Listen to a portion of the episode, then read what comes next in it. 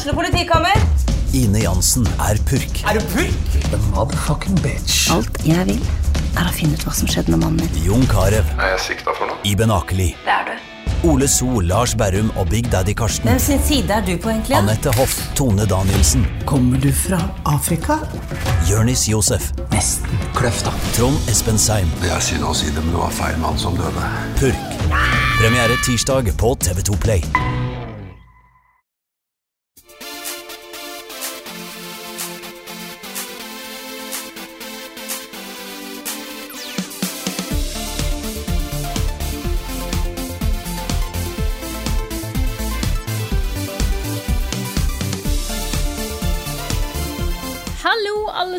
Og velkommen til en ny episode av podkasten Level Backup. Med meg, Frida Danmo, og med meg har jeg selvfølgelig Karl Martin Hogsnes og Rune Fjell Olsen. Hallo, folkens. Hei. Hei, Frida. Hvordan går det med dere i dag? Nei, Det går skikkelig ille, men uh, da kan jeg anbefale en ny app som uh, heter BetterHelp. Ja, du Eh, har, hvor man har sjekka Ja. Hvor man kan få eksperthjelp da, via den appen hvis man ikke har det så bra psykisk. OK? Jeg tror den gikk rett over hodet ditt, Frida. Ja. ja sånn jeg, jeg leste om dette her i går. Det, For jeg er helt ute. Tydeligvis. Nei, Det er en sånn liten miniskandale som er i ferd med å rulles opp nå. Det er en app som heter da BetterHelp. Um, hvor uh, ja, Hvis man sliter med et eller annet psykisk, så kan man kontakte en spesialist, da, uh, sier de. Uh, så står det med liten skrift at ikke de nødvendigvis er utdanna psykologer og sånt. Eller har noen spesielle kvalifikasjoner til å hjelpe folk. Og så er det da, de da, Det det er da Ja. youtubere som har, eh, som har pusha dette her. Litt sånn som de har pusha Audible og alle de andre typiske oh. YouTube-sponsorene. Oh, Eh, så dette er da liksom folk har gått ut og sagt at ja, men jeg har slitt psykisk, og så har jeg fått masse hjelp av BetterHelp og sånn og sånn. Ikke sant? Så det er litt, Ja, det er litt en- skummelt. Ja, en paradis som har liksom lagt ut først da, sånne tårevåte videoer med hvor fælt de har det. Og så liksom etterpå komme og pushe den. Ikke sant. Greit. Jeg ville, det var, ville bare være litt sånn relevant, litt sånn samfunnsaktuell Ja. i introen, på en måte. Ja. Sånn er det når jeg ikke har, har satt meg inn i alt, og så, eh, så står jeg her liksom med et sånt spørsmålstegn. Men da har vi forklart det til de av lytterne våre som òg heller ikke skjønte noe av hva som foregikk. Jeg lurte på om vi hadde fått en ny sponsor eller noe. Nei, det har vi ikke. Jeg tror Nei. ikke vi kommer til å takke ja hvis de tar kontakt med oss. Men jeg har en annen morsom ting jeg har lyst til å bare nevne kjapt. Ja. Fordi jeg var på konsert i går med Håvard på John Hopkins. Fantastisk konsert for øvrig. Veldig, veldig bra. eh, og veldig hipt. Det er jo Håvard som er den hippe. Det er han som liksom tipser meg om den musikken her. Så blir jeg bare med. Men der møtte jeg Martin, som er en av de to som har lagd ny musikk til den podkasten her, som kommer snart. Så han var der. Christian var der også, men han fikk jeg ikke hilse på. Uh, men jeg ville bare nevne det, fordi da kan jeg én nevne at snart oppdaterer vi den podkasten her med nye vignetter og sånt. Mm. Kult. Og to, um, for noen hyggelige folk også. Det er uh, ja, veldig, uh, veldig gøy at vi får den type hjelp fra communityet vårt. Det er uh, Og dette er proft også, folkens. Dette er dritbra. Vi fikk det var tilsendt på e-post. Uh, Det jo- Og det er helt konge. Det er helt konge. Og nå Så sier jeg, ikke at det, ja, jeg sier ikke at det er liksom på tide å skifte ut ting, men det er litt sånn Det, det er på en måte på tide når vi faktisk snart har episode nummer 200. Det er på en måte Mm. Da kan vi faktisk eh, Ja, det er sant. vet om, sant. Jeg vet ikke om vi har det klart til episode 200, men sånn rundt det, i hvert fall. Det, det passer seg å oppdatere seg litt når en eh, blir så gammel, holdt det på å si. Mm. Så bare jeg tok benytte anledningen til å sende en liten hilsen da til eh, Martin og Christian. Mm. Og si at vi gleder oss til å vise resten av Spill-Norge hva dere har gjort for oss. For det er eh, dritbra. Det er det. Mm. Bare som for en sånn siste ting om det der BetterHelp- BetterHelp-greiene. Ja. Mm. Det er jo, bare som for å ha nevnt det, det er jo veldig viktig å ta mental helse på alvor og sånne ting. Ja, ja, ja. Selvsagt. Så Selvsagt. det var, ikke, det var ikke for å tulle med det, det var bare den der eh, Den appen. Kommersialiseringa av det. Ja, og den appen er litt, kan være litt sketchy. Ja, det høres, også, det, det høres jo ut som om de som har lagd den appen, kapitaliserer på andres ulykke, på en måte. Ja. Det er i hvert fall det inntrykket jeg får, og det er jo ikke bra. Uten å faktisk det- gjøre noe bra for at de folk skal få det bedre, liksom. Mm. Ja. Og så kan det jo kan det hende at eh, selv om de ikke er kvalifiserte, sånn, har et papir på at de kan hjelpe folk, at det sitter flinke folk der da, som hjelper folk. Jeg, jeg vet ingenting om hvordan appen faktisk funker, men uh, praksisen deres er under all, eh, eh, tvil. Den, den måten de pusher den på, det liker jeg ikke i det hele tatt. Nei. Jepp. Liten, liten sånn eh, forsmak på nyhetsspalten, på en måte. Ja, jeg kommer Ja. ikke til å ta det opp igjen Nei, der. Nei det, det holdt kanskje nå. Jeg tror det, altså. Ja, men Da tror jeg vi eh, ganske elegant hopper videre til hva vi har spilt i det siste. Rune, du skal få lov til å fortsette, så, eller begynne, som fast rekkefølge. Ja, eller fortsette med å snakke, var det det du Ja, egentlig hadde tenkt å si? Ja, ikke sant? Ja, begge deler funka, så du holder på å slippe unna Begge deler funka. Begge deler funka. Du, jeg må bare uh, først si en ting. Jeg tror vi må lage en liten epilog, fordi uh, i går så uh, spilte vi inn de siste episodene av Soulmates, Karl. Det gjorde vi. Du og jeg og Nick. Mhm. um, og Nick satt der liksom og bygde opp, særlig Nick, da, bygde opp og bygde opp og bygde opp til siste bossen. Og jeg følte at det ble litt sånn antiklimatisk, fordi det hadde blitt skapt en slags sånn forventning inni meg også, hva slags type fight det kom til å bli, ikke sant? Så var det ikke akkurat sånn som jeg trodde det kom til å bli, og så eh, var jeg litt sånn fokusert på oppgavene og sånne ting. Så, så det føltes litt sånn antiklimatisk. Men jeg har etterpå, da, så har den fighten vært veldig med meg hele tiden. Jeg har tenkt masse på den. Den har sunket inn, og jeg bare elsker den slutten. Og det fikk jeg ikke sagt tydelig nok. Så jeg har lyst til å lage en liten epilog Ja, sånn, ja. ja, hvor vi kan snakke litt mer om slutten. Kanskje. Det, det går an. Eventuelt så kunne mm. jeg tatt det du sa nå, og putta det inn i episoden. Ja, det kan du egentlig godt gjøre også. Det kan du også gjøre. Fordi eh, den slutten her er megabra, altså. Nå, jeg, jeg vet ikke, jeg har ikke lyst til å si liksom akkurat hvordan det gikk og sånne ting, da. Men, eh, men det er eh, Det å avslutte et så spektakulært spill som dette her på den måten, syns jeg er veldig sånn effektivt. Det setter ganske dype spor da, når du bare får tid til å la det synke litt. Den slutten der er ganske kul. Mm. Det er det. Og så føles det godt, da. Vi starta med dette her i januar. Ja, ja vi har jo holdt, liksom- på, holdt på med Soulmates-episoder i snart et år. Ikke sant? Uh, føles veldig godt å ha den i boksen. Nå har jeg fullført Dark Souls. Nå har jeg spilt alle tre Dark Souls-spillene pluss Bloodborne. Jeg har blitt en av dere. Du har det. Mm, Du har blitt en soulmate. jeg har det. Det andre eh, ferskere som jeg har spilt, er jo Super Mario Party. Ja. Det er jo litt uh, funny, da, fordi eh, vi får jo spill fra Bergsala, som da distribuerer en til litt, litt etter utgivelse. Ja. Så da hadde du allerede kjøpt det. Det er fort sånn. Det er sånn Ja. Jeg går og venter på at vi skal få noe til anmeldelse, og så bare Nei, Mm. nå er det midnatt. Fortsatt ikke fått det. Jeg vil begynne å anmelde, så da kjøper jeg det. Og så får Rune gratis spill et par dager etterpå. Vi har så mange Switch-spill her. Eh, Det er, eh, Noen av de har jeg jo kjøpt selv, da. Men eh, det er ordentlig kult. Og det, Switch har jo blitt en utrolig bra konsoll for oss, da. Det er, det er Det føles litt som i gamle dager, hvor man samla seg rundt en konsoll og, spilte multiplayer-ting og couch co-op og sånt. Den føles litt sånn throwback til det, da. Sånn ren spillglede, egentlig. Ja, Det er jo Um, Nintendo de eneste som satser ordentlig på. Ikke sant? Og så, jeg, jeg er jo ikke noe godt kjent med, med Mario Party-serien. Jeg har spilt det i duellene et par ganger, eh, men det er det. Så, så dette er mitt første ordentlige Super Mario, eh, eller Mario Party-spill. Og det er kjempegøy. Vi har hatt det så utrolig morsomt. Og det er så gøy å se disse ungene kaste fra seg kontrolleren etter at de ikke har fått da stjerne nummer to eller tre, og jeg har fått det, eller en annen har fått det, ikke sant? Uh, bare 'nå gidder jeg ikke å spille mer', og så er det med neste runde, da. Men, eller kommer krypende tilbake før runden er over. Kommer, Så- kommer du og kona til å gjøre sånn som foreldre mine gjorde da vi fikk eh, første Mario Party til GameCube? For jeg og søsteren min var veldig eh, gira på å spille dette her, og da foreldrene mine ble jo med. Men jeg hørte i senere tid at de endte opp med å sitte våkne på kvelden ganske seint etter vi hadde lagt oss, for å øve seg i Mario Party, sånn at de kunne ja, slå oss. Så jeg bare lurer på om det blir er aktuelt for deg? Kona er dessverre ikke interessert nok. Jeg sliter til og med å få henne med, på multiplayer med ungene. Så, men jeg skal jobbe litt mer med saken. For det er innmari gøy, og er, mange av de minispillene du får der, er bare så hysterisk festlige. Min favoritt så langt da, det er når det er én mot uh, tre. Og det er én da som går nede på bakken, og så er det en kjempestor krabbe. Og så er det en som styrer krabben fram og tilbake. Og så Ja, de to ja, ja. andre spillerne styrer kloa som skal slå ned på den spilleren som er der nede. ikke sant? det er innmari gøy også. Kjempegøy. Jeg syns det er så koselig at du på en måte får en sånn revival av disse av, av disse Nintendo-spillene, som jeg har eh, Eller som både jeg og Carl har har en liten sånn elsk for. Mm. Det syns jeg er veldig hyggelig. Ja, det er veldig hyggelig. Det starta jo selvfølgelig med eh, Super Mario Odyssey og Zelda her også, Breath of the Wild. Eh, men vi har jo spilt eh, eh, Captain Toad, og vi har spilt eh, Kirby og masse greier, liksom. Så, det er sikkert veldig kjekt å ha sammen med ungene. Mm, Veldig, veldig ålreit. Og ikke minst også når eh, de har besøk.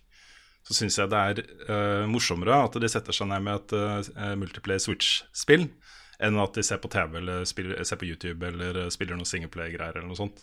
Det, det er mer eh, sosialt, da. Ja. Absolutt. Det er kanskje bedre enn de der eh, Elsa Spiderman-tegnefilm-greiene. Ja, hashtag Elsagate og dette her.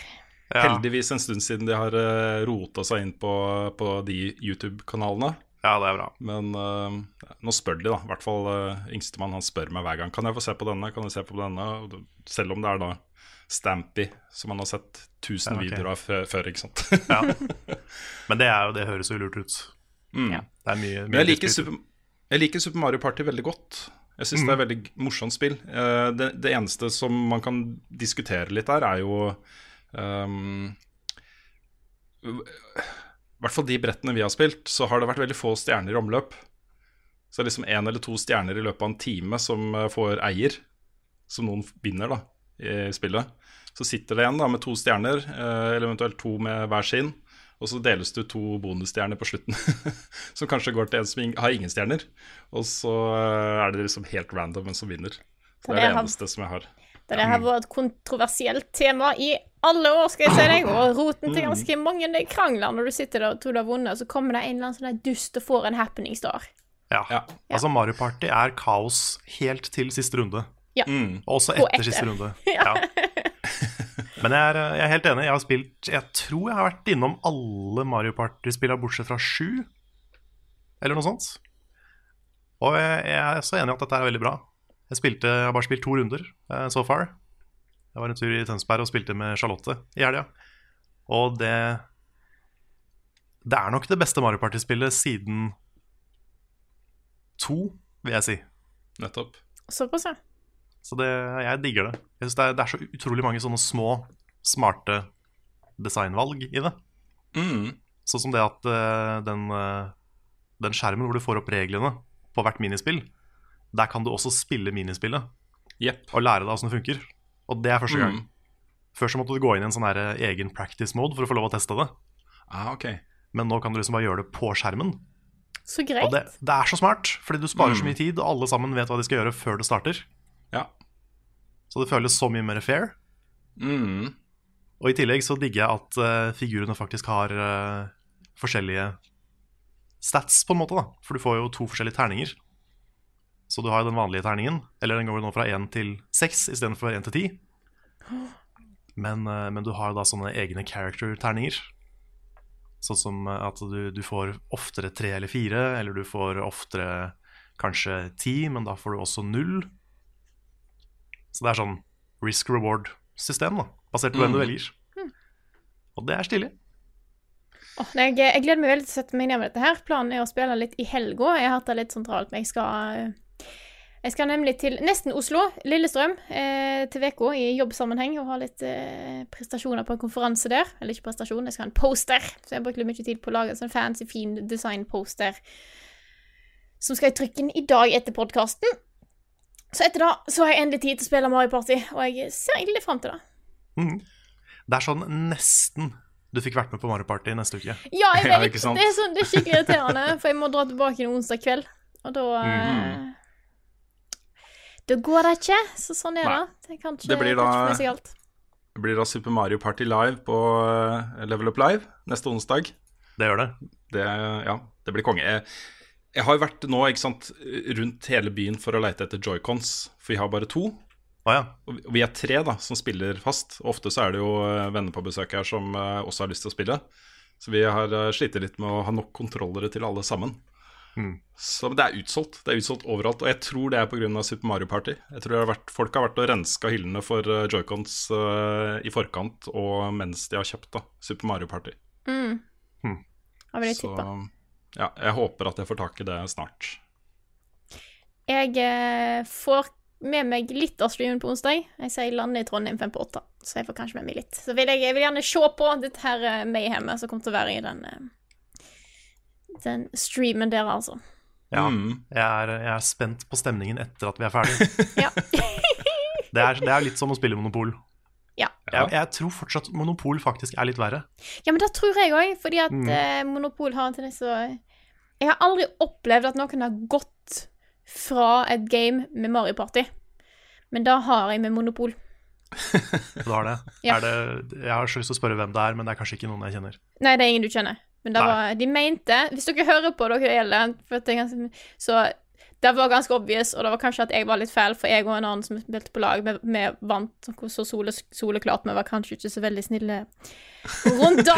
Eh, men da var det plutselig noen som innså at de tapte, og de på en måte ga opp alle tingene sine, og så gikk de fra bordet. Da, Vi bare sånn, «Å, Går dere bare sånn Nei, jeg skal bare bort og lese litt.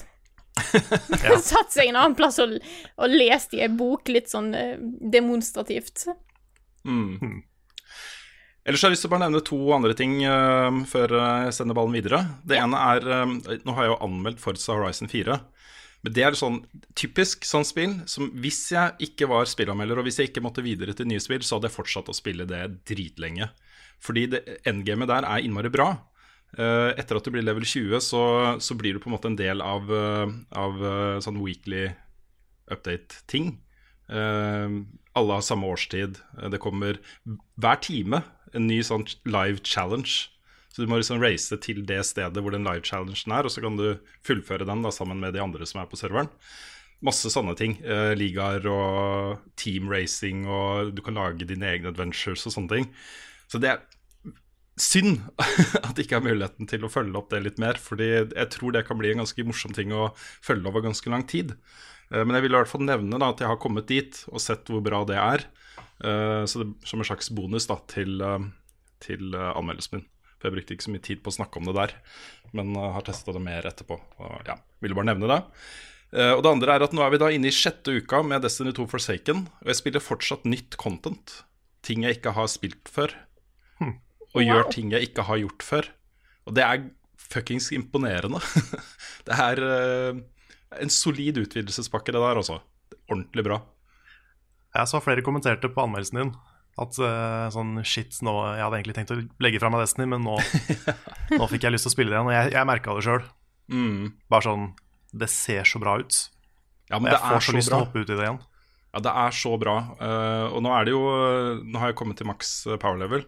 Og da kan jeg roe helt ned og bare gjøre de tingene som jeg syns er gøy, da, pluss grinde til de tingene jeg har lyst på. Um, og det er jeg, jeg, jeg tror at jeg kan kose meg liksom en par, tre, fire timer i uka med det her ganske lenge nå. Det er uh, ja, morsomt. Takk for meg. Ja, skal jeg ta over? Vær så god, sett i gang. Jeg har jo også spilt uh, Mario Party. Også runda Megaman 11 nå. Uh, men det prata jeg mye om forrige uke, så jeg kan jo prate litt om den, den tredje tingen. Life is Strange 2, Ja. som jeg spilte i helga også med Charlotte. Eh, og jeg syns det var veldig bra. Jeg er eh, litt sånn eh, sånn som mamma pleier å si, jeg er ikke helt enig med meg selv bestandig. På, på akkurat liksom hvor bra jeg syns alt ble håndtert i det.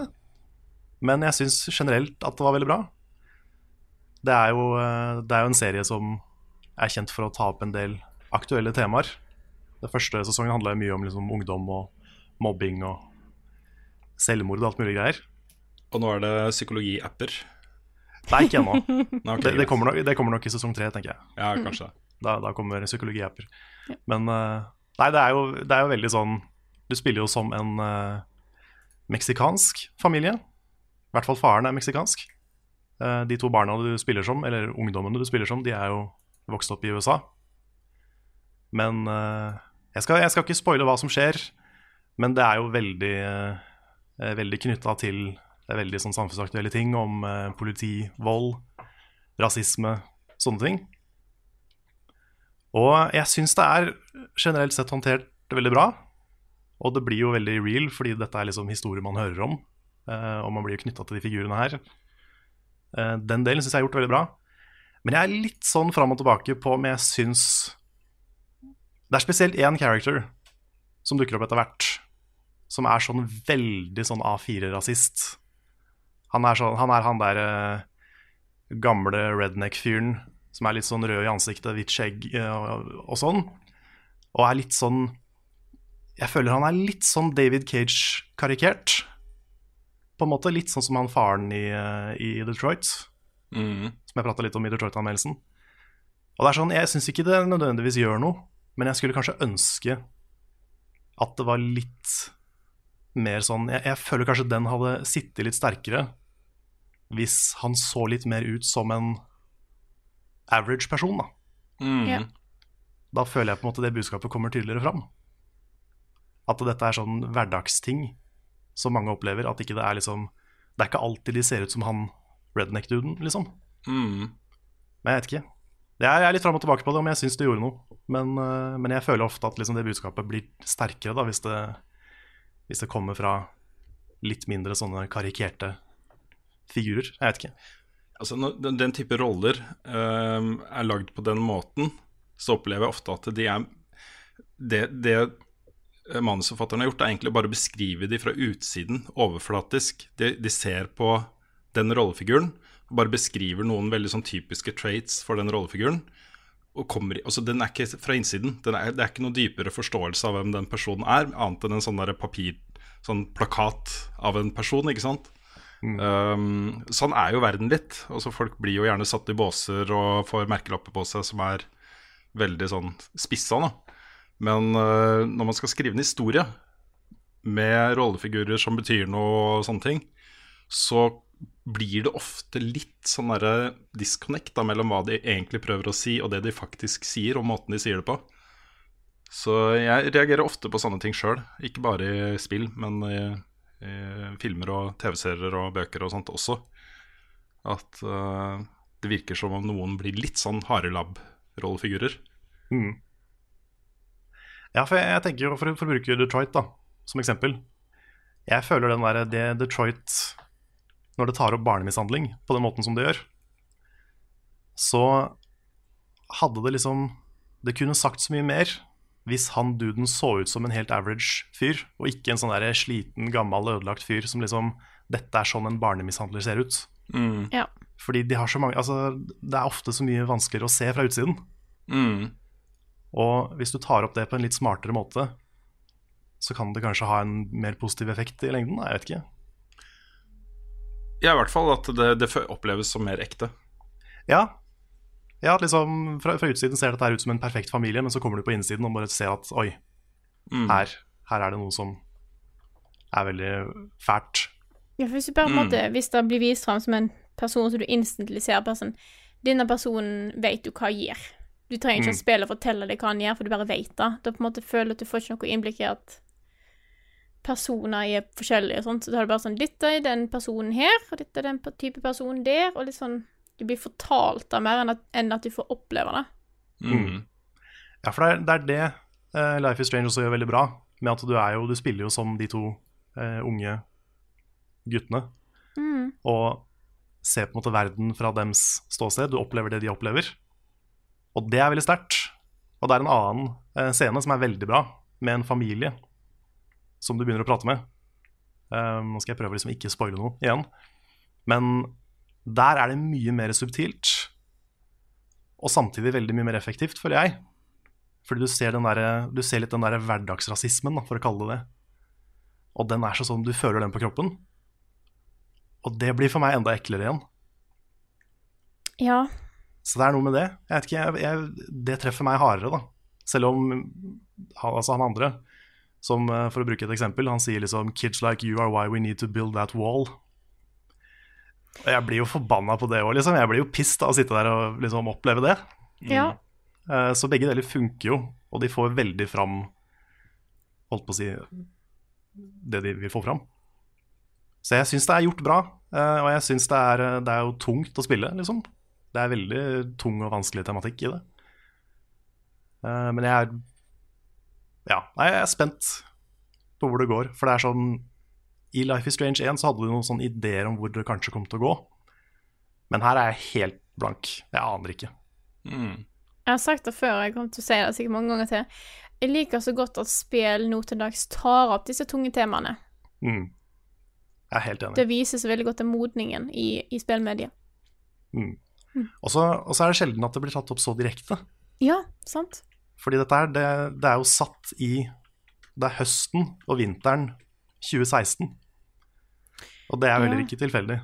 Nei. For du kan jo, du kan jo lese eh, SMS-er du har fått fra venner om ting de har opplevd eh, rundt den tida, og der blir det jo referert til ting. Så det er, sånn, det er så veldig virkelighetsnært. Og det er, liksom, det er ikke noe tvil om hva de sier og hva de tar opp. Eh, men jeg syns de gjør det bra, sånn i hvert fall generelt sett. da.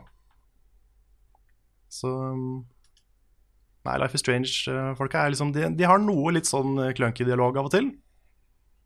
Men, eh, men jeg syns de er ganske flinke. Så jeg er, eh, jeg er veldig positiv til første episode. Nice. Yeah. Det er eh, meg, tror jeg. Ja. Da kan jeg fortsette. Jeg har en eh, liten ting jeg vil ta opp. Jeg har kommet til første rulletekst i Near Automata. Good- Så da vil si at jeg faktisk er, er på vei inn i resten av spillet. Jeg har fått Ja. to sånne små utenom sånn Hvis jeg bare Jeg skulle bare utforske litt, og så plutselig viser det seg at jeg deserta hele storyen. Det skjer. Ja. Så, så det har skjedd to ganger. Eh, så jeg har Det står på saven min at jeg har tre endings, men jeg har på en måte den første og så to små. Så nå er jeg på vei Jeg har begynt på rønn nummer to. Jeg var ikke helt sikker på hvordan de kom til å gjøre det. Fordi at det er alltid sånn Å, skal jeg spille dette her på nytt? Skal jeg gjøre det alltid en gang til? Bare gi litt andre greier? Men eh, det er jo eh, annerledes.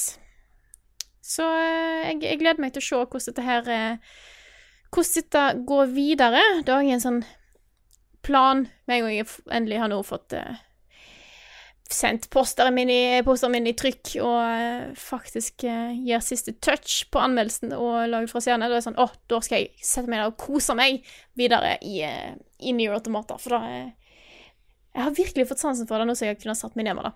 Jeg tror det er litt flere sånne spill jeg har gått litt glipp av, for jeg har hatt tid til liksom begynne, og så ikke fortsette. Det er litt synd. Men nå, eh, nå dette, Denne høsten her, vet du, da er det endelig et år for seint. Så er jeg klar for, eh, for Nier Automata. Nice. Jeg er så spent på hva du syns etter eh, Fordi det er, det er nå det, holdt på å si, i hvert fall etter andre rulletekst. Ja. Da Da. Ja. Så da er jeg spent. Ja, for at jeg, jeg, eh, jeg merker det er noe her. Mm. Jeg merker at det er mange ting som kan tas opp, som kan diskuteres. Men jeg følte den første gjennomgangen var litt sånn på overflata. Så derfor er jeg spent på å se hva som, hva som skjer videre. Absolutt. ja, fordi det er mange som sier jeg er litt, litt enig med de at eh, gjennomspilling nummer to er litt for mye repetisjon, kanskje. Ja, for jeg ser for meg da Ja, det er mye- uh, mye av det inntrykk, ja, hva inntrykk jeg har fått nå av hva den storylinen, eller hva som skjer nå, så ser jeg for meg at det blir litt repetisjon. Mm. Uh, men, men etter det Ja. Da er det noe helt annet. kult. Gleder meg. Dette, eh, dette skal jeg få til, vet du. Da er vi klar til anbefaling. Carl, vær så god. Thank you, thank you. I dag skal jeg komme med en, en norsk anbefaling. Oi, oi, oi. Og det er ikke så ofte jeg gjør, tror jeg. Nå husker jeg ikke helt i farta hvor, mange, hvor ofte jeg gjør det. Men det er jo en ny serie av min eh, jeg tror jeg vil si favoritt norske komiker, Espen Eckbo. Han har en serie på Dplay. Uh, det går vel på TV Norge, er det den Jeg tror det. Ja. Er det ikke de som har Dplay? Jo. Men den er i hvert fall gratis på Dplay, så du trenger ikke, noe, trenger ikke å abonnere eller sånt for å se den. Men den heter 'Det kunne vært verre'. Og i motsetning til de fleste sånne Espen Eckbo-ting fra før, da, så er det ikke en haug med forskjellige characters som er litt sånn overdrevne og, og, og spesielle. Det er én figur som også er Han er litt sånn stakkarslig og litt sliten, og, og sånn, men han er veldig mye mer jordnær enn de fleste figurene som har kommet før. Er det han som har sånn så og så mange unger med så og så mange damer? Ja, okay. det er helt riktig. Han har sju barn med seks mammaer. og er liksom alenepappa da, for alle de barna, og gjør så godt han kan. Og det er på en måte hele serien. Det er han gjør så godt han kan. og prøver å oppdra alle de barna. men de får jo masse impulser fra mammaene sine og fra liksom den nye mannen til mammaene, ikke sant? Eh, og det er ikke alltid de impulsene er like bra, så han blir stressa på det. Og han er stressa fordi han skal kjøpe klær og alt mulig greier. Så det er, sånne, det er veldig sånn situasjonskomedie. Ikke som i sitcom, for det føles ikke som en sitcom, men det er, det er mange sånne stressituasjoner som han hele tida kommer i.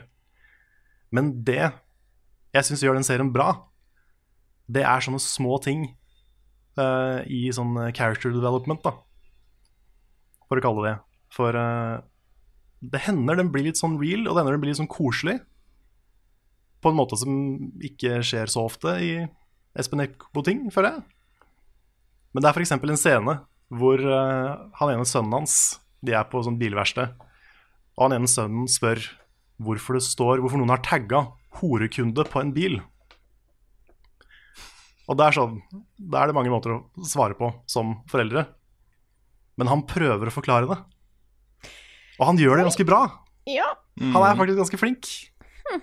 Og da blir man litt glad i den. Fordi det er, så, det er kanskje ikke så lurt å prøve å forklare det til en uh, 10-11-åring, eller hva det var. Men han prøver. Og han gjør et litt sånn sympatisk forsøk. Og, og sånne ting gjør at jeg liksom blir litt glad i han figuren. da. Mm. Og det er en del sånne små ting som gjør at de figurene her blir veldig mye mer levende og veldig mye finere. da. Mm. Pluss at det er veldig mye bra humor. Sånn typisk sånn eh, ekstreme situasjoner som oppstår av små ting som går gærent. Så, eh, sånn sett en veldig sånn typisk norsk komedie, men samtidig med noe litt mer, da, føler jeg. Den skal sees. Ja, den anbefales. Absolutt. altså. Kommet, eh, akkurat nå så har det kommet fire episoder. Eller fem hvis man abonnerer, tror jeg, på Dplay, for det kan du se en uke før. Men jeg, har, eh, jeg, ser, jeg ser gratis. Ikke noe, ikke noe microtransactions. Nå er vi klare for nyheter. Rune, nå er det bare å sette i gang med å fortelle hva som har skjedd i det siste. Ja, men da gjør jeg det, vet du. Ja. Kan begynne med et, et øh, rykte øh, som, øh, som jeg tror på. Og det er at Microsoft er i en prosess nå, i avslutninga, avsluttende delen av prosessen, med å kjøpe Obsidian, Obsidian Entertainment. Og Obsidian er jo en hardcore PC-utvikler. De har uh, lagd eh, Fallout New Vegas, uh, Pillars of Eternity, uh, Nights of the Old Republic 2 f.eks. Uh, lagd mye bra greier på PC. Og dette faller jo inn, inn i den rekken av oppkjøp og sånne satsinger for fremtiden som Microsoft har gjort det siste halvåret. Um, det er jo da Jason Schreier i Kotaku som melder dette her. Og han har en helt, et helt herlig sitat da fra Obsidian, for han har jo spurt uh, Microsoft og Obsidian uh, om ryktene stemmer. Og Microsoft sier bare de ikke kommenterer på rykter. Mens, uh, mens en talsperson da, i Obsidian sier Unfortunately, we don't comment on rumors or speculation, other than to say that the Rumors album by Fleetwood Mac still holds up. det er veldig morsomt. Åh, det er en god talsmann. Mm. Altså Det spekuleres jo da, ikke sant. Eh, Obsidian er gode på store hardcore eh, rollespill. Eh, de er gode på RTS. Um, og det går jo på enten at de lager noe eget, noe nytt, eller at de kanskje lager noe RTS basert på Halo, eller noe uh, rollespill basert på andre franchises. Sanne ting, da. Uh, jeg tror nok det hadde vært en, en god utvikler å ha i stallen for, eh, for Microsoft. Det begynner å lukte litt fugl av neste generasjon for Microsoft nå, altså. Det gjør det. Mm. Ja, virker som de satser på spill på en helt annen måte. Mm. Vi kan jo gå videre til neste Microsoft-nyhet også. eh, og det er jo at de har offisielt annonsa en ny tjeneste som heter Xcloud. Den snakka de litt om på etere. Eh, det er litt morsomt at de bruker det klippet i den traileren for den tjenesten her også. Um, hvor uh, hvor uh, det bare sier at nå jobber vi med en streamingtjeneste som kommer bla, bla, bla, bla, bla sa det på etere. Og det høres jo veldig sånn derre Ja, selvfølgelig gjør dere det. Alle vet jo at man sitter og jobber med sånne ting, liksom. Men tjenesten heter da Xcloud. De har begynt å teste den ut. Det de gjør, er å da plassere racks med innmaten til Xbox One-konsoller i disse Assure-datasentrene som de har rundt omkring i hele verden. Eh, og, du kan streame spill da, fra mobiltelefon eller tablet eller uh, sånne ting. Det skal lanseres i 2019 først med åpne trials rundt omkring, og så som en egen tjeneste. da. Så eh, ja, jeg vet ikke om det blir bra, men uh, det er jo litt den veien det går nå. Mm. Helt sant. Skulle du si noe, Karl? Det så ut som du Ja, tok nei, jeg, har sats. liksom, jeg føler jeg har sagt det før. Det er bare gen generelle tanker om liksom hvor nærme er vi at vi kan ha en bra lagfri opplevelse med, i, Mm. i god kvalitet osv. Det er sånn Ja. Det skal litt til. Jeg Mm. er spent på om vi er der ennå. Men det jeg tenker da er at, øh, at øh, hvis du blir en, en øh, Hvis du dykker da ned i Xbox-verden, si om et par år, da. Kommet ny generasjon konsoll, streamingtjenesten oppe, du har abonnementstjenesten, du har bakoverkompatibilitet med tusenvis av titler. Så får du det ganske bra. Da kan du sitte og spille hjemme på din konsoll et øh, nytt fett spill. Og så kan du ta med deg mobiltelefonen og fortsette å spille det samme spillet. Kanskje gjøre sånne grindeting eller et eller annet mens du er ute og reiser. Selv om det kanskje ikke er 100 lag-fritt, så kan du bare fortsette å spille det samme spillet på en annen plattform. Og det, det begynner å ligne et eller annet en sånn der økosystem som jeg tror eh, Hvis man først er inni det, så er det veldig bra. Så Microsoft sin jobb tror jeg først og fremst blir å selge dette til folk. Og få det til å forstå liksom, verdien av å ha hele det økosystemet som de kommer til å ha. da Mm. så, men det begynner, å se, ja, det begynner å se veldig spennende ut. Jeg ser også Sony har nå offisielt bekrefta at de jobber med en ny generasjon. De sier ikke at det er PlayStation 5, men at uh, de har bekrefta at de jobber med det. Men uh, ikke noe mer Ja. enn det, da.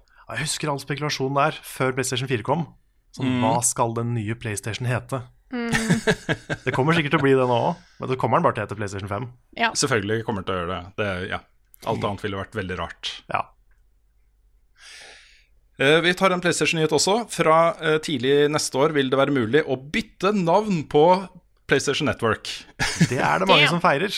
Ja, så alle Ja. dere som heter uh, Coolguy 33657 og sånne ting, uh, får nå endelig muligheten til å gjøre noe med det. Yes. Og det vil jo være sånn at det første bittet vil være gratis. Neste vil koste jeg tror det er 40-50 kroner eller noe sånt for hver gang du bytter. da Så ja. Også en rar ting å bet å ta betalt for. Altså. ja. Det er bedre å tjene penger. Ja, det er, det er det, selvfølgelig. Men det er også at det å bare bytte altså, Ditt nikk da på PlayStation Network er, representerer eh, en person, ikke sant? Hvis du hele tiden driver og bytter nikk og sånne ting, så er ikke det forenlig med filosofien bak den type online-tjenester. Du skal kunne liksom være altså, gjenkjennelig eh, som nikket ditt da, på de forskjellige tingene du Mener jeg, da. Så jeg var jo råtidlig ute med å velge nikk på PlayStation, Network, tydeligvis. Jeg har fire bokstaver, ingen tall eller noen ting. det er mitt PSN-ID. Det er Ja. dritbra. Ja, det er bra. Mm. Bare et par kjappe uh, nyhetssaker til slutt. Um, det har kommet frem at uh, Guerrilla, også de som står bak Killzone og Horizon, har nå uh, hyra inn opptil flere folk fra Rainbow Six Siege-teamet.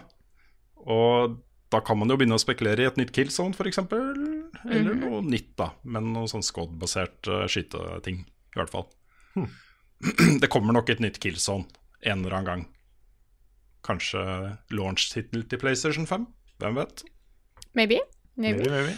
Og så har No Man's Sky fått motorsykler. Hurra. Jeg syns det var litt kult. Det kom en gratis oppdatering. Da kan du få deg en eh, two-wheeler, um, i tillegg til uh, de tre andre kjøretøyene som også du kan ha nå. Um, de har samtidig også gjort det mulig å eh, fikle på statsa til kjøretøyene der. Eh, og til å eh, customize uh, utseendet på dem ved å velge farger og decals og sånne ting. Eh, I tillegg så har de gjort en del forbedringer på racing-modulen i spillet. Så det er jo sånn at du kan lage racingbaner hvor du setter opp checkpoints. og så kan man gå inn, da, hvem som helst, egentlig. Bare du har koordinatene til hvor den racingbanen er, og konkurrere på tid. Jeg hadde jo et, en plan da, eh, før jeg la fra meg No Man's Sky for denne gang. For det er jo sånne galactic hubs hvor, uh, som består av egentlig veldig mange stjernesystemer, men uh, som er gruppert rundt en hovedstad, en planet med en hovedstad, hvor folk samles nå og gjør ting sammen. da. Jeg hadde lyst til å finne en skikkelig sånn derre uh, ekstre, ekstremplanet med skikkelig kjipe værforhold, og lage sånn der racing emporium hvor, uh, med masse forskjellige racingbaner og sånt. da Og invitere til liksom ikke sant, racing night. Det er en god idé. Ja. Nå, nå har jeg sagt det, så hvis noen andre har lyst til å ta den, så bare gjør det. det er helt greit. Jeg liker at Yes. liksom motorsykkel har blitt sånn DLC. eh, Ja, vehicle. Jeg tenkte på det. Til og med Selda, liksom. Ja da. Men det er morsomt, altså. De kjøretøyene i No Man's Sky gjorde mye for spilleopplevelsen. Så det var kult at de introduserte eh, motorsykler også. Vi skal ha spørsmål og svar-spalten vår, og jeg prøver ikke å gjøre denne introen så veldig lang, for da har jeg en tendens til å fucke den opp. Så vi skal ha ukens spørsmål.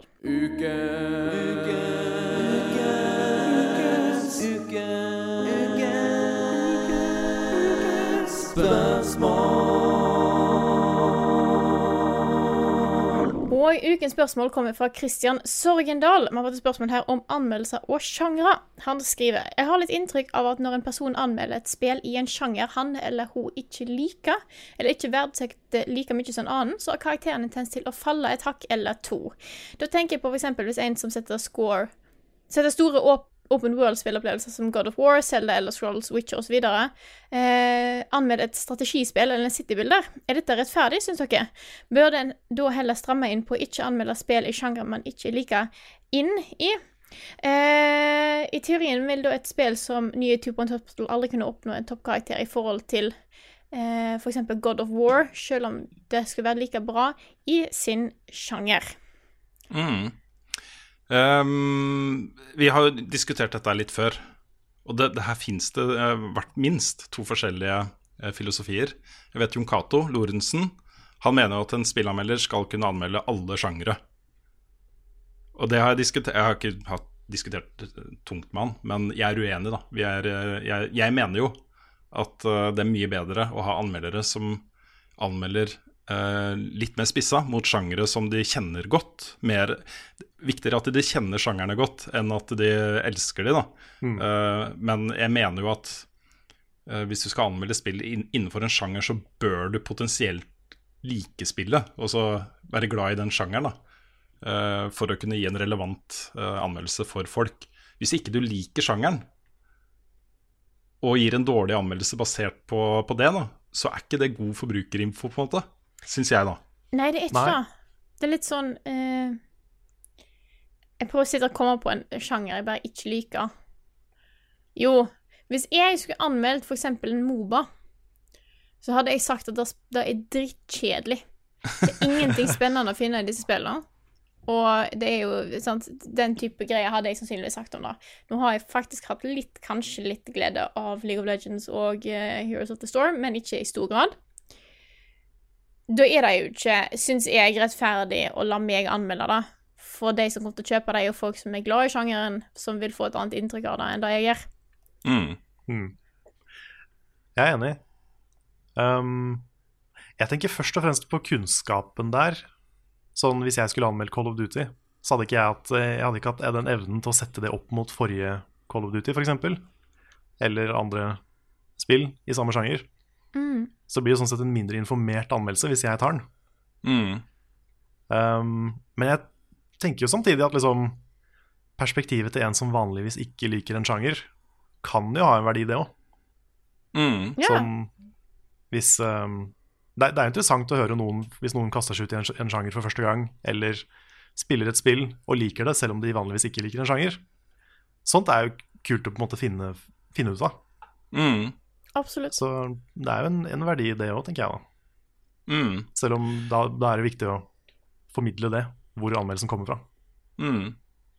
Nei, jeg mener jo, um, jeg mener jo at Jon Cato i utgangspunkt I teorien så har Jon Cato rett.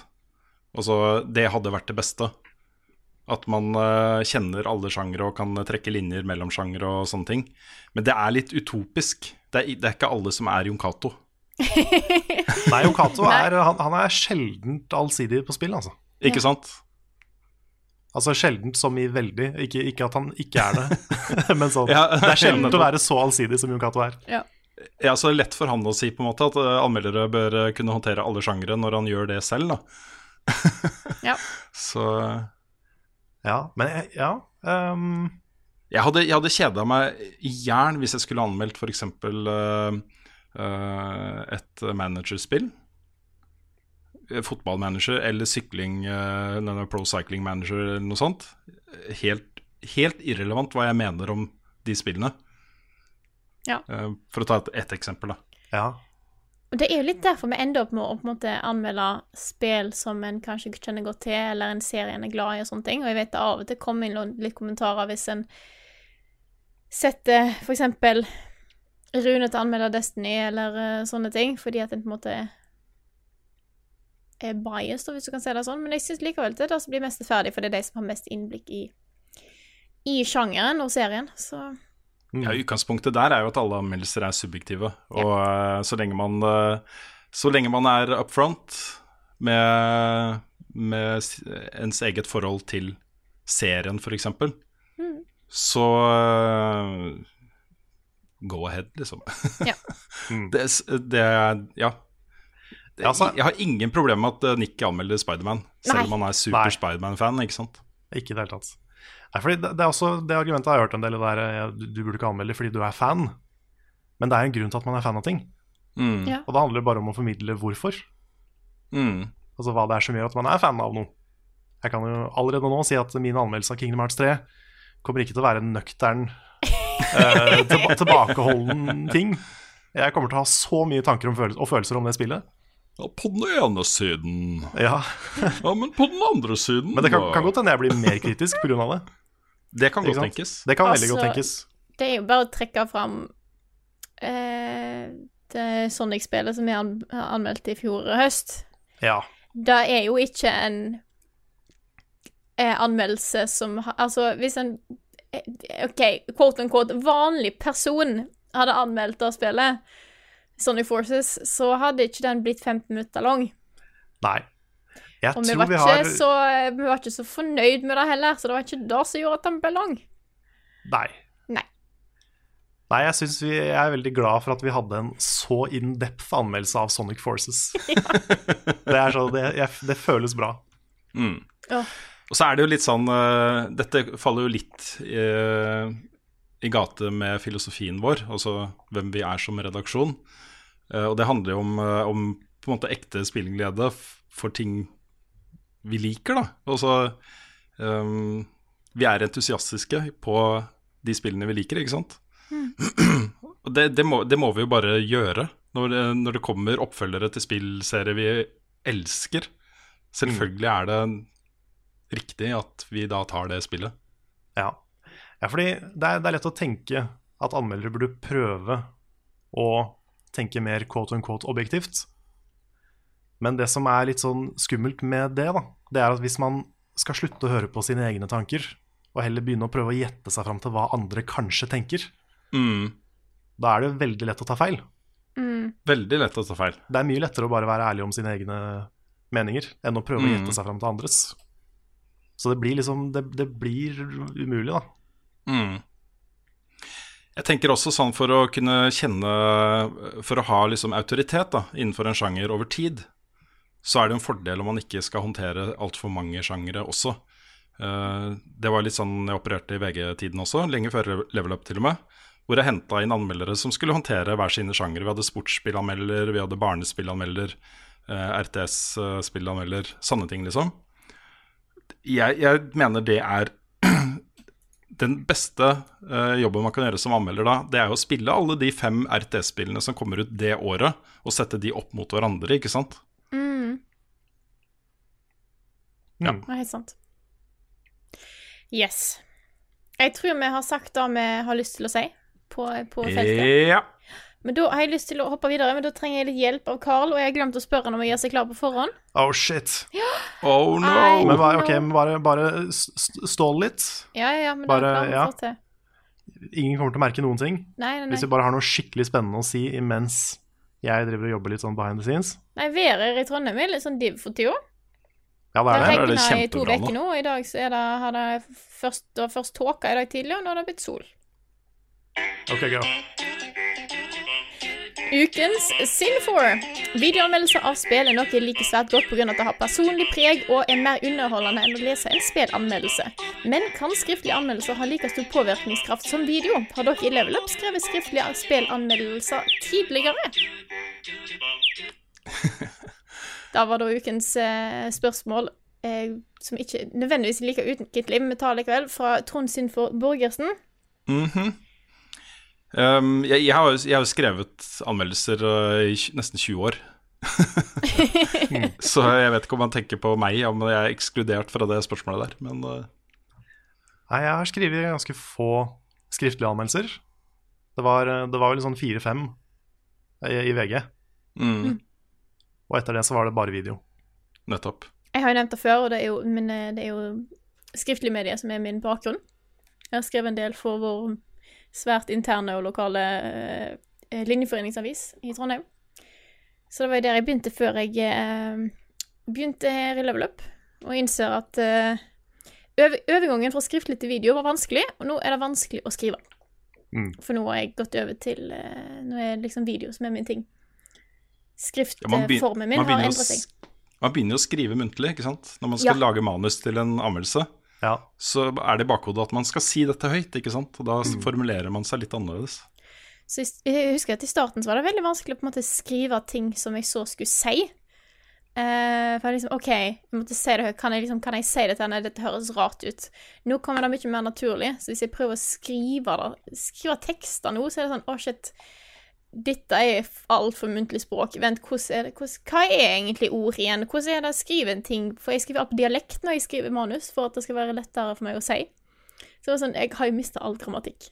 Det er egentlig Mm. ganske fælt.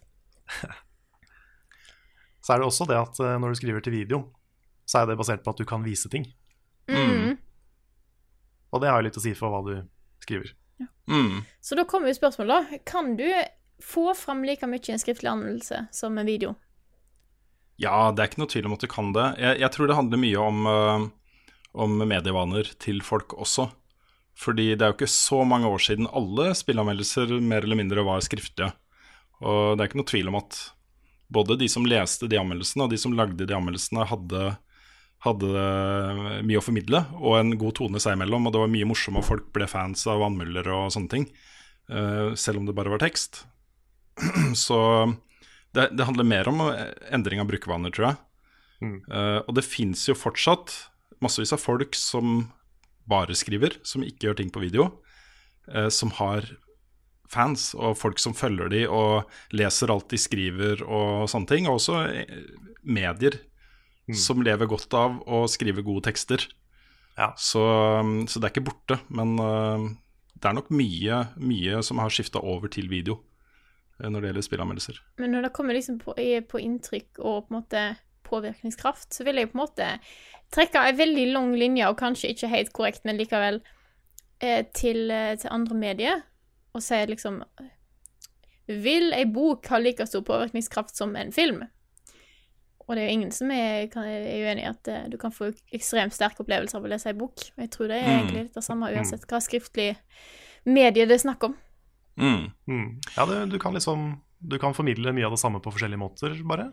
Ja. Han um, Filmcrit Hulk han har, blitt, han har blitt en sånn åpenbaring for meg. For liksom hvor bra det er mulig å snakke om medier med tekst.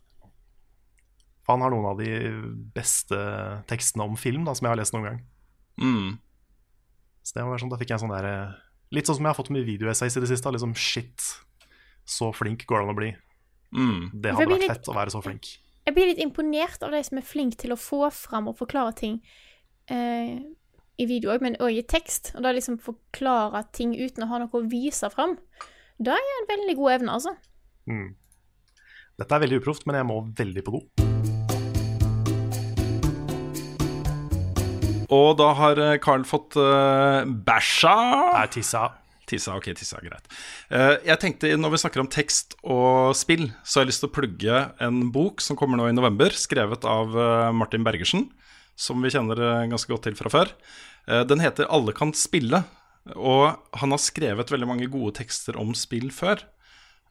Så det er en bok jeg gleder meg til å lese. Så bare sånn ja, det er mulig å lage, formidle morsomme, interessante ting om spill med tekst fremdeles. Selvfølgelig er det det. Og her er et eksempel da, på en ting som kanskje gjør det. Kommer i november, alle kan spille. Yes. Cool. Mm. Da var vi egentlig ferdig med det spørsmålet. Det var vi. Ja. Nei. Ja. Jo, jeg har bare lyst til å nevne én ting til, da. Kjør på. Eh, Siden det ble så mye sånn Ja. Eh, Det er jo mange av de eh, mine favoritter som formidler ting. uh, Det er jo ikke om spill lenger. Altså uh, Folk som skriver utrolig gode tekster, blir ofte litt sånn der, nesten novelleaktige, eller sånn veldig lange tekster. da Eh, Dyptpløyende, lange reads. Eh, inkludert eh, Penny Red, f.eks., som skriver bl.a. om amerikansk valgkamp og eh, også om spill. Da. Um, de fins der ute, og de er eh, veldig eh, bra å følge. Så um, ja. Jeg har ikke blitt bare video, selv om jeg lager bare video selv. Yes. Det var det jeg ville si. Ja. Ja. All right. Mm. Da hopper vi videre til spørsmål som vi har fått inn fra to personer. Derfor tar jeg det opp. Det er både fra Lars Halvard Oldkjær Isdal og Espen Tveit. Hvem er deres main i Mario Party? Godt spørsmål. Mm. Jeg er alltid Luigi, jeg. Når jeg kan være Luigi. Nei, er du det? Ja, Og da har vi en konflikt på onsdag allerede. ok. Neida, du kan få lov å være Luigi, for da kan jeg være Rosalina. For hun er min nummer to. ok. Uh, jeg har jo ikke spilt den nye. Hvis du kan være Rosalina i, i Mario Party, så er det en stor sjanse for at det kan bli en ny main, for jeg har veldig sans for Rosalina. Men uh, tidligere så har jeg alltid gått for eh, f I starten gikk jeg alltid for Toad, Toad og nå har jeg, eh, jeg skifta ut til Bu. Det var min eh, Å ja. Mm. Du kan jo være Monty Mole i det Nei. nye. Og det er sånn Han er jo liksom den minst kjente, by far, av alle. Mm. Ja, for det er er litt fra Super Mario. World, er det ikke det? Jo. Jo. Stemmer. Ja. Min nummer to er eh, Waluigi. Så det er enten Luigi eller Waluigi. Ja, ok. Ja. Mm. Vi pleier å ha med Waluigi som sånn computer, hvis ikke vi er fire. Ja, nettopp. Han er jo ond, sant, så det er på en måte eh, Jeg husker før det var lett hvis vi spilte to, med to bad guys, det var alltid Vario og Valuigi, for de var på en måte onde. Mm. Men jeg husker Ja, vel. det var Faren min, han mener Valuigi, så det Ja, ok. Ja, Waluigi Han var en warning. sånn en. Han var en sånn en, ja. En sånn en, ja. Nei, jeg har liksom hatt sansen for Bu. Jeg har spilt mye Bu i, i Mario Kart og sånt helt fram til jeg eh, kunne velge Rosalina. Så det er Yes. Jeg tror jeg tar og kaster ballen videre til dere. Ja. Ja. Jeg kan ta et spørsmål her fra Johannes Opptun. Så lurer på om jeg, da, men hvis dere også har sett den, så be my guest. Om vi har sett traileren til Good Omens, TV-serien. Er det hype, eller er det hype? Ja, det er hype. det så veldig bra ut. Uh, dette er jo en av mine all time favorittbøker, skrevet av Neil Gaiman og Terry Pratchett. Og um, en av de siste tingene Terry Pratchett sa til Neil Gaiman før han døde, var jo at sørg nå for å få den serien her realisert. De har jobba med det kjempelenge, å få den uh, filmatisert. Uh, og David Tennant er jo med, og det er bra skuespiller all the way, liksom. Eh, jeg, jeg, det ser ut som de har fått til å overføre den boka til film, rett og slett. Uh, dette er jo en bok som handler om verdens undergang. Uh, og hovedpersonen er jo da to engler, en på hver side. ikke sant? En for Lucifer og en for Gud. Uh, som har hele tiden sørga for at det er sånn ekvilibrium på jorda. ikke sant? Nå er det end of days. Eh, de har det egentlig ganske fett. De liker å røyke gode sigarer og kose seg på jorda, liksom. De har ikke lyst til å dra herfra. Armageddon er ikke noe for dem, liksom. Nei. Så de begynner å motarbeide dette her, da. Det er veldig bra, også. Uh, nevne en liten sånn morsom detalj om den historien også. Det er jo at uh, uh, Antikrist blir jo født på et sykehus, og alle disse satanistene og sånt er jo klare til å ta imot Antikrist for å fostre opp Antikrist som liksom Han som skal sørge for Armageddon, da. Uh, men så blir jeg, jeg, jeg tror han bare blir bytta om på, på sykehuset. Så han havner hos en helt vanlig familie. Og er liksom, han, er, han er jo antikrist, men han blir jo oppdratt som om han var en helt vanlig gutt. ikke sant? Ja. Så for eksempel da, når han er eh, sånn ti år gammel, så eh, får han en hellhound uh, som blir sendt til han, liksom. Og han er sånn I shall name thee dog. Jeg tror du har fortalt den der før, for jeg syns jeg kan Ja. huske dette. Og da eh, Det høres kjent ut, det jeg, her. jeg tror jeg har hatt den i ukens anbefaling eller et eller annet før, den boka, for den er dritbra. Uh, så jeg så traileren, fordi jeg pleier ikke å se sånne trailere, men siden Johannes spurte om det, så så jeg traileren, og den så veldig riktig ut. Så dette kan bli gøy. Det er kanskje vanskelig å bli spoila hvis du har lest boka. Ja, det er vanskelig å bli spoila hvis jeg Ja. lest boka. det er helt sant. Nei, Ja. serien har nok eh, release-dato. Uh, nei, jeg tror det er 2019, Ja, okay. men uh, ikke noe mer konkret enn det, etter det jeg har fått med meg. Det blir nok uh, one to watch for meg òg, høres det ut som. Så Mm. Ja, Neil Gaiman er jo tungt involvert i TV-serien også, så Aha, kult. nice. Det lover bra. mm, Jeg tror det er Prime, det, dette her også. Det er en annen av Neil Gaimans store bøker, 'American Gods', har jo også blitt TV-serie på Prime. Ja. Og den TV-serien er jo også konge, da. Den er kjempebra. Jepp, jepp. Kult. Yes. kult. Skal jeg ta et eh, spørsmål? Yes. Mm. Det er fra skal vi se, hva står det? Carl Mamillik Pedersen, tror jeg. Det er en sånn liten skrift. Vi, vi, vi sier Mamillik Pedersen. Fra hvilket spill er en av deres favorittfigurer? Hvorfor liker dere de, den figuren? Ja, vi, kan, vi kan ta deres favorittfigurer. Trodde jeg det sto, så jeg kan svare på det. Å ja. Um, jeg tror jeg må si gjengen fra Undertale. Da er det bare, jeg er bare glad i alle. Mm. Mm. Bare sånn fin gjeng. Sympatiske figurer. Og Mm. morsomme og alt mulig. Og så er jeg jo um, du, kan, du kan si mye om historien i Kingdom Hearts og hvor batshit crazy den blir, men uh, rollegalleriet er veldig bra. Det er liksom, det er de figurene du knytter deg til. Så um, Jeg vet at jeg er litt broken record nå med å si Undertale og Kingdom Hearts, men, uh, men jeg må si det, altså.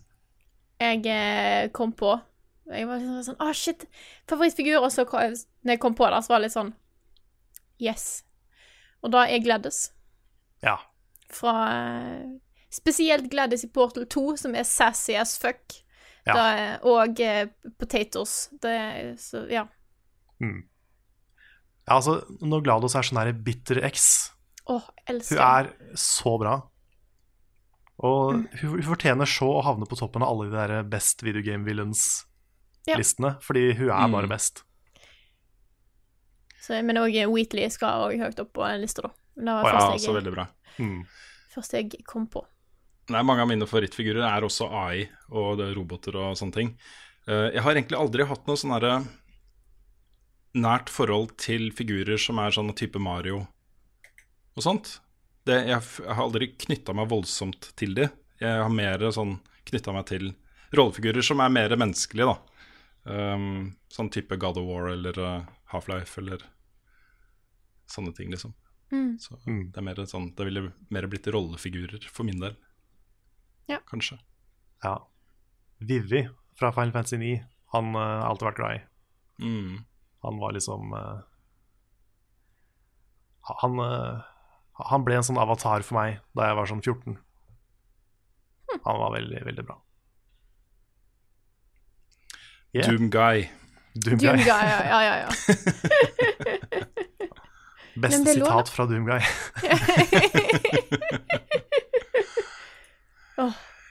Jepp. Eh, Jeg har lyst til å bare svare kort på et spørsmål fra Martin Pettersen.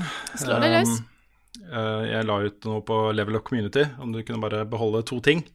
Og Det var da superheltfilmer og junkfood og alt mulig rart. Og jeg valgte da spill og metal. Uh, Så han lurer på hvilke metal-band jeg liker, og om det er noe band jeg har spesielt forhold til.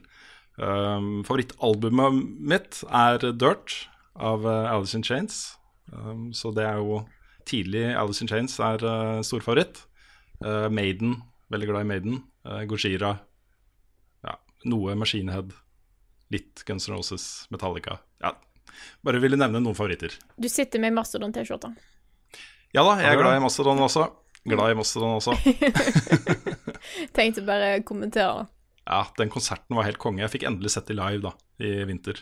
Ja, Misunnelig på det den, var altså. jeg veldig, veldig fornøyd med. Jeg endte opp med å eh, Hvis jeg kan eh, fortsette den eh, tråden litt, så endte jeg opp med å svare det samme som deg på den, på, på den tråden din. Ja, det var ikke så lett, men Nei. det jeg tenkte var liksom hva- Mange av de tingene er sånn åh nei, aldri spise junkfood. Det var kanskje det verste for meg, da. Å ikke spise junkfood. Men jeg tenkte det er, det er jo ikke bra for meg å spise junkfood.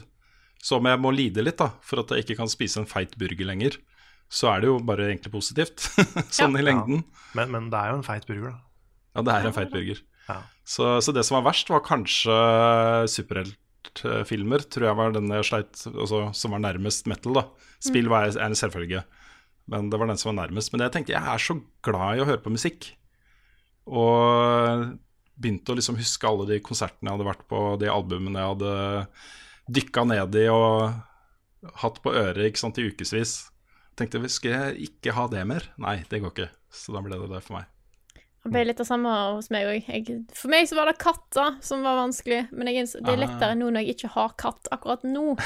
Hadde dere spurt meg for sånn tre år siden, så hadde jeg sagt noe annet. Mm. Så ja. Yeah. Nei, jeg lurer på om dere har et til, jeg. For jeg eh, Ja, jeg har et ja. til her. Yes. Det er fra Lars Halvard Skryseth Hufgren. Mhm. Det er sånn, jeg, jeg myser for å klare å lese det herfra, men jeg, jeg tror det er riktig. Ja. Hva syns dere om New Super Mario Bros.-serien? For den er jo Er det fire spill nå? Det er det første, og så var det det på Wii, og det på 3DS, og det på Wii U. ja. Jeg er litt blanda der. Jeg syns serien er helt grei. Ja. Eh, Og det er litt trist å si om et Mario-spill. Det er akkurat da. Det er litt sånn, det virker som at det bare er sånn, ja, la oss bare lage noe 2D-spill, da er det sikkert noen som vil ha. Og så er det Det er mye mer kaotisk enn jeg skulle ønske. Det er Mm. vanskelig å spille hvis du er flere. Det er så lett å ta ut de andre. Eh, Ja, Multiplayeren er jo nesten ikke gøy. nei, det er helt er forferdelig. kanskje, kanskje hvis du er to, så går det. Ja, for jeg har spilt gjennom det første, tror jeg, på, um, som to player, og det går. Men du blir sint, og du blir irritert i en grad som du ikke merker i andre sånne type spill, der du kan spille to, for eksempel, eller tre eller fire, da, for eksempel i Super Mario 3D World, eh, eller i Rayman Origins og Legends, der kan det være to uten at det skaper problem. Men det er et eller annet de bare ikke får til, de spillene der. Altså, det er New Super Mario Bros. Jeg vet det er mange som er glad i det. Jeg bare har aldri helt klart det. Så det er på en måte en serie med Mario-spill jeg ikke har kjøpt, bortsett fra det første som jeg har, fordi jeg har liksom ikke hatt interesse for det. Egentlig. Nei. Nei, jeg syns uh, det nye Super Mario Bros. U, som kommer på Switch nå, det syns jeg faktisk var bra. Var, der, var liksom, der var de kreative med level design, og de hadde noen kule nye powers. Det, det likte jeg ganske godt. Også den Luigi-DLC-en til det. Så det er nok det jeg syns er best av de. Men det der coin-spillet på 3DS, det syns jeg var ordentlig kjedelig. Det har jeg ikke prøvd engang. Nei. Så syns jeg av og til at musikken er litt sånn meh. Ja, de bruker veldig mye den derre mæ. Ja. Ja. Så det er Det føles ikke som de har hele den Nintendo shine på det. Nei. Nå jeg merker jeg at jeg er veldig kritisk her. Det er bare at jeg har eh, Jeg er, veld, jeg er, veldig glad i 3D Mario-spill og lignende, og 2D Mario-spill. Jeg bare syns ikke de har fått det til i den serien. Nei. Nei, det er litt sånn, det er litt sånn kjedelig å være så kritisk til Mario-spill, men, Ja. men De er jo bra, er det... da. Ja, de er jo Ja, bra. de er bra. De Det, er det, det, er liksom, et- det er bare ikke like bra som de andre. Mm, jeg skjønner hva dere mener, altså. Ja. Men, ja. For meg så er det mest den visuelle stilen, tror jeg. Ja. Fordi når du ser på liksom hvor ikonisk Mario 3 er, sånn med den der eh, stageplay-stilen, og liksom Mario World, som har sin stil, og Yoshi's Island, som har en helt annen stil igjen, og så er liksom de spillene her bare sånn generiske 3D-modeller. Og du får liksom ikke den samme personligheten. mm. Så det er litt det òg, kanskje. Men jeg må jo nevne da at 3DS-versjonene har jo fu- funka, i hvert fall i mange tilfeller, da, bedre enn 3D, i og med at det er så liten skjerm og du har det knappesystemet som det har, og sånne ting. Så der syns jeg jo 2D Mario funker bedre enn 3D Mario. Ja, det, det er jeg enig i. Ja, det kan jeg skjønne. Fordi det blir mye lettere å orientere seg. Mm. Så det er jeg enig i. Jeg tar et uh, siste spørsmål. Det vil si, jeg skal ikke svare på det uh, uh, før vi runder av. Men Ja. det er et feilsendt spørsmål, så det skal vi bare sende videre til Lolbua. Det er fra Ørjan Larsen. Han lurer på aldri onanere eller aldri spille TV-spill. Det er feil podkast du har sendt den til, Ørjan. Ja, det er lurebra-spørsmål. Ja, eller eller sender- Saft og Svele. Ja, eller Saft og Svele. Vi, sender den, eh, vi sender den til de andre spillpodkastene, som du også kan møte på Tilt 31. oktober. Mm. Ja. Bra, ikke sant? Skjønner dere hva hva gjorde der? Det var en fin plagg. Ja. Da er det Tiltcast, eh, en spillpodkastfestival på Tilt med oss, Radcrew, Lolbua, Saft og Svele og Spillmatic. Eh, vi får ca. tre kvarter, 50 minutter hver, og det kommer til å bli awesome. Yes. Yeah. Det blir Awesome. full, eh, full squad her fra oss, typ eh, meg, Carl og Rune. Eh, så det er bare til å eh, bli med. Nå har jo jeg nå jeg, jeg drar til Oslo for dette her, så da, da blir det bra, folkens. Da er det på en måte Ja. Når Frida kommer til Oslo, da kan du gjøre det òg. Mm. Ikke sant? Bare, for bare for å si det veldig sånn konfronterende. Nei, jeg tror dette blir veldig bra. Jeg eh, gleder meg veldig til 31. oktober på Tilt i Oslo. Yes. 23-årsgrensa. Bare sånn man Ja. nevnte. Yes. Mm. Så det blir bra. Var det, en, Ja. eh, var det et hint til å avrunde podkasten, Rune? Ja, jeg trodde du tok det. Ja. Tenkte bare liksom Påpeke det litt sånn der er ekstra. Men da hopper vi videre. Eh, fordi vi har noen ekstra som må takkes eh, i denne podkasten her, og da er selvfølgelig våre kjære patronbackere. Dere er faktisk de beste folka, og dere gjør at vi kan holde på med dette her. Sitte her og skravle litt om spill og eh, diverse, og gjøre det vi elsker mest i verden. Så tusen takk. We love you. Ja, tusen takk. Det høres det litt sånn ut eh, som om de betaler for at du skal bare sitte her, her, her, her, her. Ja, det var ikke sånn ment, men dere, ja. Vi jobber hardt for å levere det innholdet som uh, da tusen mennesker uh, føler det er verdt å betale litt for. Ja. Ikke sant? Og det, det er et ansvar. Ja, det er et Og vi ansvar. håper vi, vi håper vi får det til. Mm, Det er, du- det er en ting man går og føler på. absolutt. Det er liksom, det blir litt uh, Det setter litt forventninger. Mm. Men eh, hvis du som hører på, enten er blant de 1055, så tommel opp til deg, eller har lyst til å bli en del av eh, eh, våras eh, favorittgjeng på internett, faktisk, så det er bare å gå inn på patreon.com slash levelupnorge og støtte oss og hjelpe oss med det beløpet du sjøl ønsker. Så har vi litt eh, rewards for de som er litt oppi der. Indeed. Og med det så tror jeg egentlig at jeg tar og runder av denne podkasten og sier tusen takk for oss. Tusen takk for at du har hørt på denne episoden, og så snakkes vi igjen neste uke.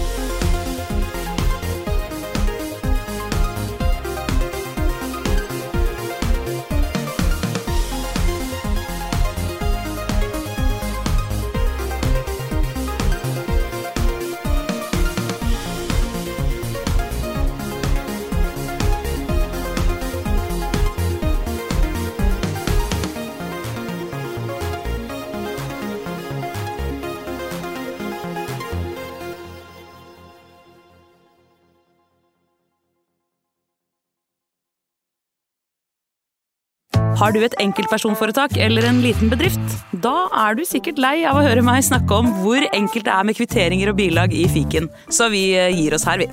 Fordi vi liker enkelt. Fiken superenkelt regnskap.